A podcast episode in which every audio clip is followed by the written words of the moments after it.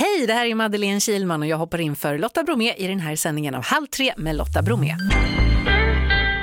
Och jag har fått sällskap i studion nu av Thomas Sjöberg och Anders Nyström. Hej! Hej! Tillsammans avslöjar ni och blottlägger maktmissbruk i podden Under ytan. Vad är det som är så roligt med det? Vad är det som driver er? Just det att avslöja maktmissbruk, det är en journalists främsta uppgift. Mm. En av de främsta uppgifterna. Så det är det som driver oss. När vi ser att någonting är åt helvete så måste vi berätta om det.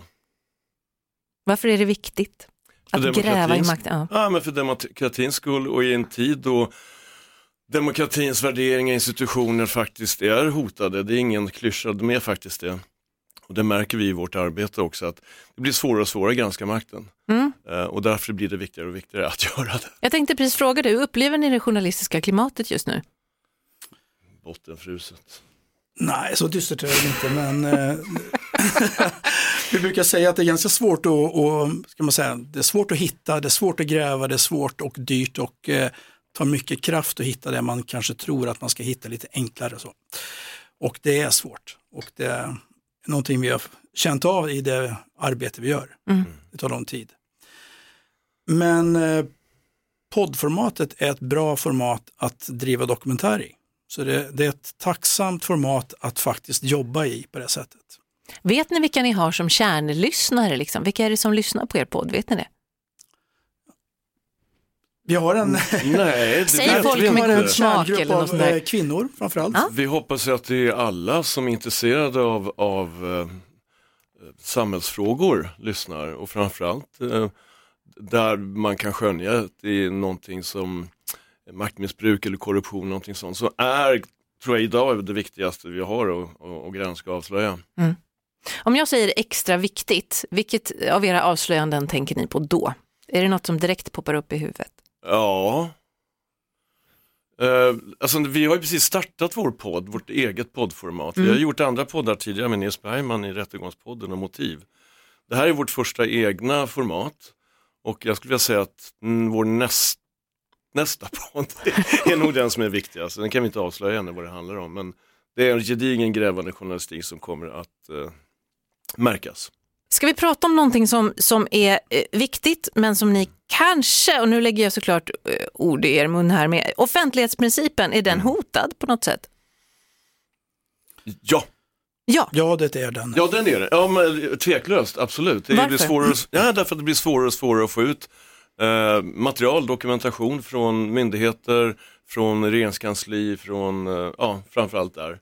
Där det tidigare var, men man sparade saker på ett annat sätt förr i tiden. Alltså det var ju analogt och det fanns papper. Nu är allting digitalt och det raderas ganska fort, både besöksloggar och eh, mailslingor. Eh, det är svårt idag att granska vilka som besöker politikerna, alltså de högst ansvariga politikerna i Sverige. Det är svårt att få ut mejlloggar som är, eller mejlkonversationer eh, som kan vara jätteviktiga uh, ur en så här, granskande synpunkt.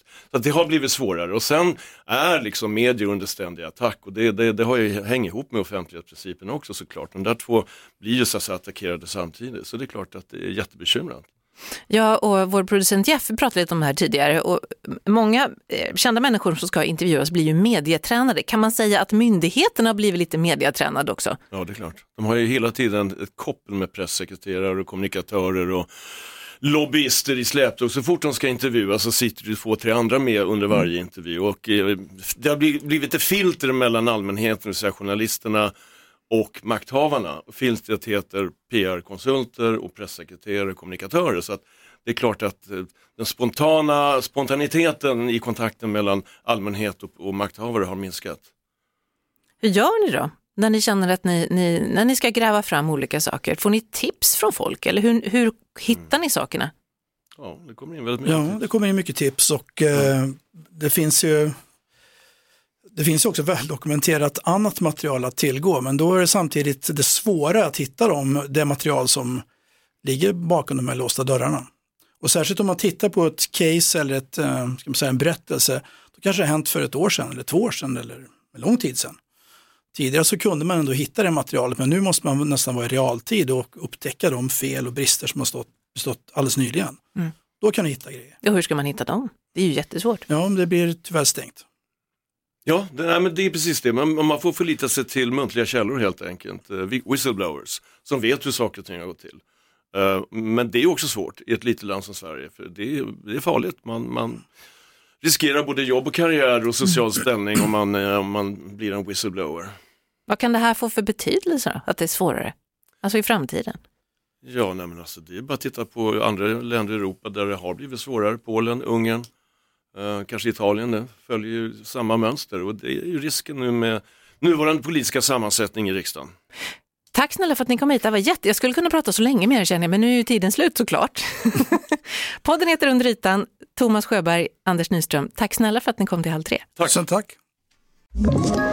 Ett poddtips från Podplay. I fallen jag aldrig glömmer djupdyker Hasse Aro i arbetet bakom några av Sveriges mest uppseendeväckande brottsutredningar. Går vi in med hemlig telefonavlyssning och, och då upplever vi att vi får en total förändring av hans beteende. Vad är det som händer nu? Vem är det som läcker?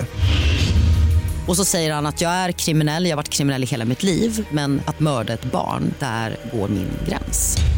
Nya säsongen av Fallen jag aldrig glömmer på Podplay.